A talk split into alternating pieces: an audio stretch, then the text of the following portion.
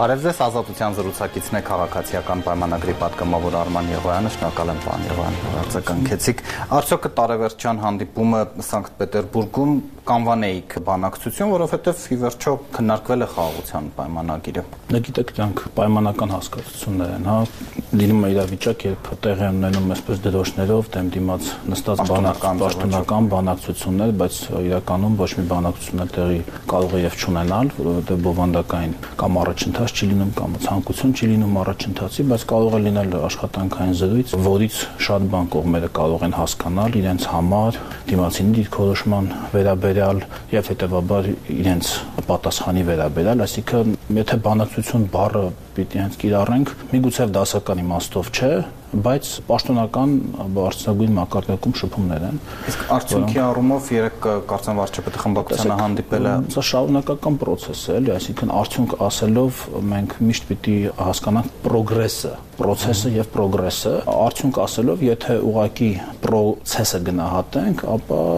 ես դրական եմ գնահատում դա։ Եթե պրոգրեսը գնահատենք, էլի չափավոր դրական, բայց զգույշ չափավոր դրական։ Ամեն դեպքում, գիտեք, շփվելը ավելի արդյունավետ է, քան չշփվելը։ Ես ձևաչափի մասին պատական չարցրեցի, որովհետև կարծես ամեն ինչ տանում է դեպի երկկողմ բանակցությունները եւ Սանկտ Պետերբուրգինն էլ Պուտինի մասնակցությամբ ու միջնորդությամբ չէր, Երևանը սկզբունքորեն կողմ է այս ձևաչափին։ Տեսեք, այստեղ ոչ թե սկզբունքի հարց է, որ ասում եք սկզբունքորեն կողմ է, տպավորություն կարող է ստեղծել, որ դա սկզբունքի հարց է եւ կարող է որևէ մեկը սկզբունքորեն կողմ լինել կամ սկզբունքորեն դեմ լինել։ Այո, հենց դա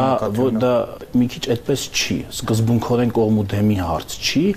այլ բանակցային միջավայրի հարցն է։ Կարող է լինել միջնորդներով բանակցություն ոչ արդյունավետ, տարբեր միջնորդներով, հա, որևէ մեկին չեմ ակնարկում եւ կարող է լինել առանց միջնորդների բանակցություն արդյունավետ կամ ոչ արդյունավետ։ Այսինքն այստեղ կարևոր է ոչ այնքան սենյակում գտնվող մարդկանց թիվը, այլ սենյակում գտնվող մարդկանց վերաբերմունքը քննարկվող թեմաներին եւ երկկողմ շփումներն էլ իհարկե այսինքն ինչի մենք պիտի խուսափենք երկկողմ շփումներից այլ հարց որ երբ որ գա այդ փուլը, երբ որ արդեն պիտի ստորագրվի խաղաղության պայմանագիրը, ինչ ձևաչափով դա պետք է ստորագրվի, ինչ երաշխիքների համակարգ այնտեղ պիտի լինի, դա պիտի լինի ուղակի ՄԱԿ-ի ձևաչափը, պիտի լինի ուղակի սովորական միջպետական համաձայնագիր, ենթակա միջպետական բոլոր կարգավորումներին, սա արդեն հարցի մյուս կողմն է, բայց այն փաստաթուղթը, որը որ ձևավորվում է, այո, կարող է ձևավորվել նաև երկկողմ ձևաչափում։ Եվ դա տեղի է ունենում այս փաստաթղթերի փոխանակումը տեղի ունենում ուղղակիորեն։ Իրենք մեզ, մենք իրենց։ Դե սկզբունքային ասելով հենց դա նկատի ունեի, որ պատրաստ եք նաև առանց երաշխավորի ստորագրել այդ թուղթը։ Եթե կա միջազգային համակարգ, եթե միջազգային կարգ ու կանոնը կա, ապա միջպետական պայմանագիրը ինքը արդեն ենթակա է միջազգային կարգ ու կանոնի երաշխիքներին։ Եթե չկա, միջազգային կարգ ու կանոնը կամ այնպեսին չէ, ինչպեսին օրինակ 30-40 տարի առաջ էր, ապա ոդքի վրա տված երաշխիքները չեն կարող կայուն լինել, հա? Այսինքն երաշխիքների համակարգ պիտի լինի, որը վերաբերելի վերաբերելի պիտի լինի ոչ թե ինչ որ առանձին դեպքերին, այլ ընդհանրապես մի համակարգ պիտի լինի, որի մեջ միջպետական համաձայնագիր ասելով մենք կհասկանանք, կներեք նույնաբանության համար միջպետական համաձայնագիր, որի խախտումը կենթադրի սանկցիա եւ որի պահպանումը կլինի պարտականություն երկու կողմերի համար։ Սա հստակով միջազգային երաշխիք է, ինչպես մյուս բոլոր համաձայնագրերը, որ մենք կնքում կնքում եք, չէ՞։ Խոսքը այդ երաշխիքը միջազգային կարգը հսկողի մասին է, որ երբ պայմանագիրը կնքելուց հետո նրանք կրակեն, այդ միջնորդ ասի մի րոպե ես էլ եմ այստեղ ստորագրել, ես եմ սրա երաշխավորը։ Տեսեք, գործող միջազգային կարգով պետությունները երևի չեն կարող կրակել։ Մենք մի քիչ հետ ենք սովորել դրանից, բայց պատերազմ սկսելու իրավունք գոյություն չունի։ Ոչ մի պետություն չի կարող հարցակվել ըստ գործող միջազգային նորմերի։ Ես չեմ ասում այդ նորմերը քանի անգամ են խախտվել եւ ինչ հետևանքներ են ունեցել, բայց ըստ գործող նորմերի պետությունները չեն կարող միմյանց դեմ պատերազմ սանձազերծել դա 45 թվականից հետո արգելված է, հա, միջազգային կարգու կանոնով։ Հիմա դուք եթե հարցնում եք, իսկ այ եթե ինչ որ մեկը որոշի սանձազերծել, ինչ տեղի կունենա։ Աշխարհում դուք նայեք իրավիճակները, տարբեր իրավիճակներ են լինում, տարբեր պատերազմներ են լինում, տարբեր պետություններ են պատերազմ սկսում եւ տարբեր ռեակցիաներ են լինում։ Այդ հարցը արդեն լուծվում է ոչ թե իրավական դաշտում, այլ քաղաքական դաշտում է լուծվում եւ աշխարհ քաղաքական դաշտում է։ Ուրեմն կարող է եւ ստորագրվել առանց միջնորդի եւ երաշխավորի միջպետական պայմանագիրը պետք է կնքվի միջպետական պայմանագրին պատշաճող բոլոր նորմերով եւ այն իր փաստաթղթի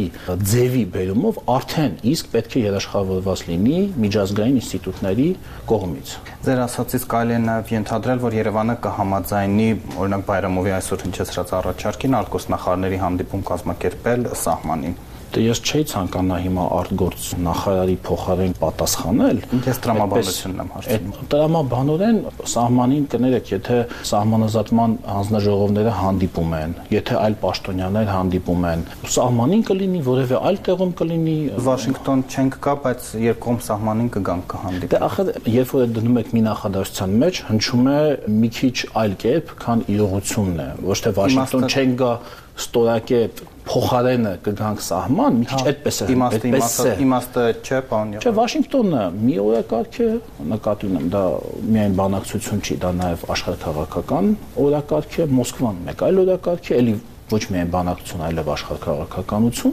սահմանն էլ երկկողմ ձևաչափով օրակարգ է, այսպես ասենք, տարածաշրջանային օրակարգ է, հա, այսինքն ես որ որևէ խնդիր չեմ տեսնում դրա մեջ, այսինքն մենք ինչի պիտի վախենանք որևէ մեկի հետ հանդիպելուց, դա նորմալ կլինի Էնել մեր պետության սահմանին, կներեք, առավել եւս։ Հաջորդը Ադրբեջանը հիմա էլ առաջարկում է սահմանագծումը թողնել ապագային, այսինքն չներառել այն խաղաղության պայմանագրում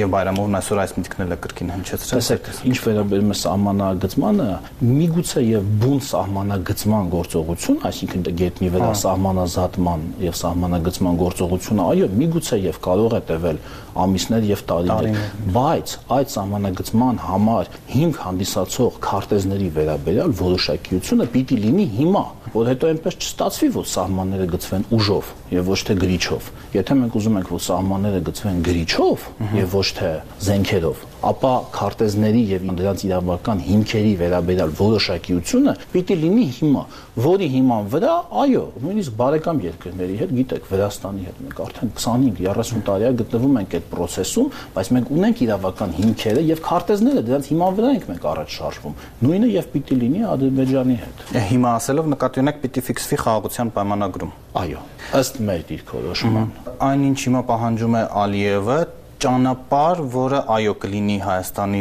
ինքնիշխան տարածքը, բայց ադրբեջանական բեռները չեն մաքսազերծվի, որովհետև Ադրբեջանի մի հատվածից ասում է անցնելու են դե, Ադրբեջանի մյուս հատված։ Գիտեն, եկեք այստեղ մենք քննարկենք ինքնիշխանություն հարցը, հա։ Տարբեր պետություններ իրար հետ կնքում են տարբեր համաձայնագրեր մեկը ազատ վիզայի ռեժիմ ունի, մեկը մաքսային միության մեջ է գտնվում մյուսի հետ, մեկը վատ հարաբերություններ ունի, շատ բարձր մաքսեր է սահմանում իր հարևան պետության համար, օրինակ եմ բերում, հա։ Այստեղ ինքնիշխանության բովանդակությունը ոչ թե այն է, թե բեռը ինչ կարգավորումով է անցնում սահմանը, այլ այն, որ այդ կարգավորումը որոշում է այն պետությունը, ում որ պատկանում է այդ տարածքը կարգավորումները թե ինչպիսին կլինեն, պետք է որոշենք մենք երկկողմ ձևաչափով քննարկելով, բայց մեր համաձայնությամբ մեր ինքնիշխան որոշումը դա պիտի լինի եւ այդտեղ միգուցե կարող են լինել պարիտետային որոշակի լուծումներ, որովհետև ճիշտ այնպես ինչպես մենք խոսում ենք Ադրբեջանից Ադրբեջան, այսինքն Ադրբեջանից Նախիջևան, ուրեմն երթուղու մասին, մեկ եկեք չմոռանանք, որ կա նաև Հայաստանից Հայաստան երթուղի էլ, այսինքն Երևանից Մեղրի նկատի ունեմ գնացքի գիծ չէ, կան որոշ հատվածներում ապա մոնտաժված է, բայց դա վերականգնելը խնդիր չէ։ Այսինքն այստեղ էլ, եթե մենք բովանդակային քննարկման մեջ ենք մտնում, մենք պիտի ըստ էության խոսենք եւ եթե պարիտետային ինչ-որ մի լուծում գտնվի, որոշ ապրանքների համար, որոշ տեսակի փոխադրամիջոցների համար, դա դա քննարկելի հարցեր են, բայց դա պետքա լինի միմիայն այն պետության համաձայնությամբ, որի տարածքով, որ այդ ճանապարհը կամ երթուղին անցնում է, այլ բանի մենք չենք էլ համաձայնել եւ չենք էլ համաձայնելու։ Պարոն Եղան, դուք այժմ տեսնում եք հերանեկար ռուսական միջնորդության համար։ Միջնորդության դեպքում խոսակցությանը արդեն մասնակցում են նաև միջնորդները եւ եկեք անկեղծ լինենք միջնորդները նաև իրենց շահն են բերում բանակցային սեղան ու բոլոր դեպքերում սա եկեք ճիշտ հասկանանք էլի սա չի վերաբերում միայն Ռուսաստանին ցանկացած միջնորդ եւ այստեղ գիտեք շատ բան կախված է նաեւ Ռուսաստանի դիրքորոշումից այսինքն Ռուսաստանը ինչպես է պատկերացնում այդ բանակցային process-ը մենք բանակցում ենք որ հասնենք արդյունքի թե բանակցում ենք, որ բանակցենք։ Եթե Ռուսաստանը կամ ցանկացած այլ միջնորդ դրամադրված է արդյունքի համար բանակցելու համար եւ հաշվի առնելով բոլոր կողմերի շահերը, հաշվի առնելով բոլոր կողմերի կարծիքները, հաշվի առնելով յուրաքանչյուր կողմի սուվերենություն, այդտեղ տեսականորեն ինչ որ հնարավորություններ ելի կարող են լինել։ Անցած 3 տարիները ռուսական միջնորդական փորձը բավարար չեն, որ դուք ունենաք արդեն այդ պատասխանը Ռուսաստանն ինչ է ուզում իրականում միգուցե եւ բավարար է, բայց բավարար չեմ, որ ես դա բարձրաձայնեմ։ Կա տեսակետ, որ Ալիևը բրյուսելյան եւ վաշինգտոնյան ձևաչափով ստացավ Արցախը, պաշտոնապես ճանաչվեց Ադրբեջանի մաս եւ իրավունքների թեմաները նա շատ հաջողությամբ կարողացավ քողարկել եւ հիմա դրա համար է པարզ է որ այլևս չի ուզում արևմուտքում բանակցել դուք համաձայն եք ընդդիմության քննադատության հետ որ հայտնվեցիք ծուղակում եթե ինչ որ մեկին թվում է որ Ադրբեջան Եվրամիություն հարաբերությունները վերջացել են նա չարաչած սխալվում է Ադրբեջանը կներեք շատ սերտ հարաբերություններ ունի Եվրամիության հետ եւ Եվրամիությունն էլ հազար մի թելով կապված է Ադրբեջանի հետ եւ անդամ երկրներն էլ առանձին վերցրած հազար մի թելով կապված են Ադրբեջանի հետ եւ հակառակը այնպես որ այստեղ էս փոխադարձ լծակների համակարգը գործում է ձեր ասած հարցի կոնտեքստում այն է որ միանգամյա ինչ որ գործարք է եղել մութ եւ ավարտվել է Ադրբեջանը գնացել է իր գործերով կապերը խզել է Եվրամիության հետ, ամենևին այդպես չի։ Ոչ, բայց աղմուկը կմարի, նա կհիշի, որ Եվրամիությունում էլ կապեր ունի։ Կապերը հիմա էլ կան, այդ կապերը նաև որոշակիորեն օգնում են, որ Եվրամիությունն էլ որոշակիորեն այդ կապերի չափով, հա, բալանսավորող եւ կայունացնող ազդեցություն ունենա մեր տարածաշրջանում։ Լեռնային Ղարաբաղի վերաբերալ ձեր ասացի հետ որ ինչ որ գործարք է տեղի ունեցել Ադրբեջանի Եվրամիության։ Ոչ թե այդպես էլ նա ես դրան չի համաձայնում Բրյուսելում տված խոստումները չի պահպանել։ Դա կա, այո։ Եվ դրա համար էլ դուք հիմա տեսնում եք, թե ինչ է կատարվում իրենց հարաբերություններում եւ ոչ միայն Եվրամիության հետ, ԱՄՆ-ի հետ էլ էլի որոշակի իրավիճակ է, որին դուք տեսնում եք, բայց սա process է, հա, սա այսպես ստատիկ իրավիճակ չի։ Այն ինչ մենք խոսում ենք այսօր, վաղը կարող է այլևս չլինել։ Եվ լինել այլ իրավիճակները եղան միակողմանի նախոստացավ չկատարեց, իսկ Երևանը գնաց այդ զիջումներին։ Ադրբեջանի տարածքային ամբողջականության ճանաչումը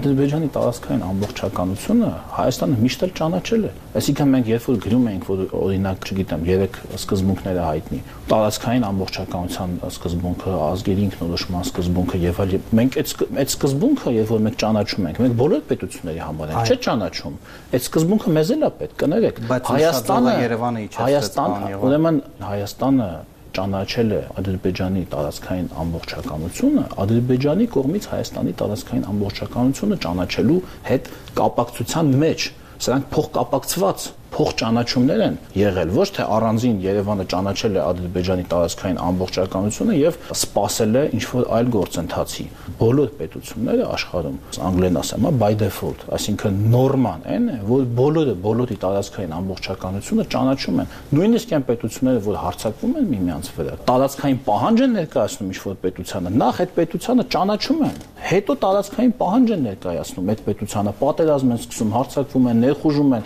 այսինքն տարածք այն ամբողջականություն ճանաչելն է, որ դու ասում ես, սա իմ պետությունն է, դա քո պետությունն է։ Ուղղակի մենք նոր ենք եկել հասել այդ նորմային։ Պարոն Եղվան, որքան հեռուն կարող են գնալ Հայաստան-Եվրամիություն հարաբերությունները, ես նկատի ունեմ արդյոք դրա ճանապարհին հապկնու ԵԱՏՄ-ն խնդիր են խոչընդոտեն։ Եթե խոսում ենք Եվրամիությունից, այն տնտեսական միություն է եւ այդտեղ պիտի համեմատենք ավելի շատ ԵԱՏՄ-ի հետ։ Բնականաբար, եթե մենք որևէ մաքսային միության անդամ ենք, իսկ ԵԱՏՄ-ն մաքսային միություն է։ Մենք չենք կարող զուգահեռաբար նույն պահին լինել նաև այլ մաքսային միության անդամ, իսկ Եվրամիությունը մեկ այլ մաքսային միություն է։ Եթե խոսում ենք խոչընդոտներից, օրինակ սա, եթե խոսում ենք անդամությունից, խոչընդոտ է, բայց անդամությունից մեկ նիշ ներքև գտնվող հարաբերությունների դեպքում մենք դեռ հարաբերությունները զարգացնելու շատ տեղ ունենք։ Դուք արդյոք տեսնում եք քաղաքական ճգնաժամ, այնինչ շատերը ձեր ընդդիմախոսներն այս տաղավարում ասում են, այն իմաստով, որ քաղաքացիական պայմանագիրը 2021-ին այո ստացել է քվե, բայց տապալել է դրա դեմաստրված նախընտրական խոստումը Արցախը չի անջատվել հանուն փրկության եւ ել չեմ ասում դեօկուպացիայի մասին։ Եվ դա առանցքային սկզբունքային հարց է, եւ դուք պետք է նորից քվե խնդրեք հանրությունից։ Խնդիր չի, բայց եթե մենք խոսում ենք նախընտրական ծրագրի մասին, ապա դա նպատակադրումների մասին հրճակում է, հա, այսինքն դա այն է, ինչի համար Հայաստանը հայտարարել է, որ ինքը դրա համար պիտի պայքարի, եւ Հայաստանը պայքարել է դրա համար։ Դուք շնորհակալ եմ, որ թողնեցիք մեր հրավերը ազատությունում մեր քաղաքացիական պայմանագրի պատգամավոր Արման Եղոյանը։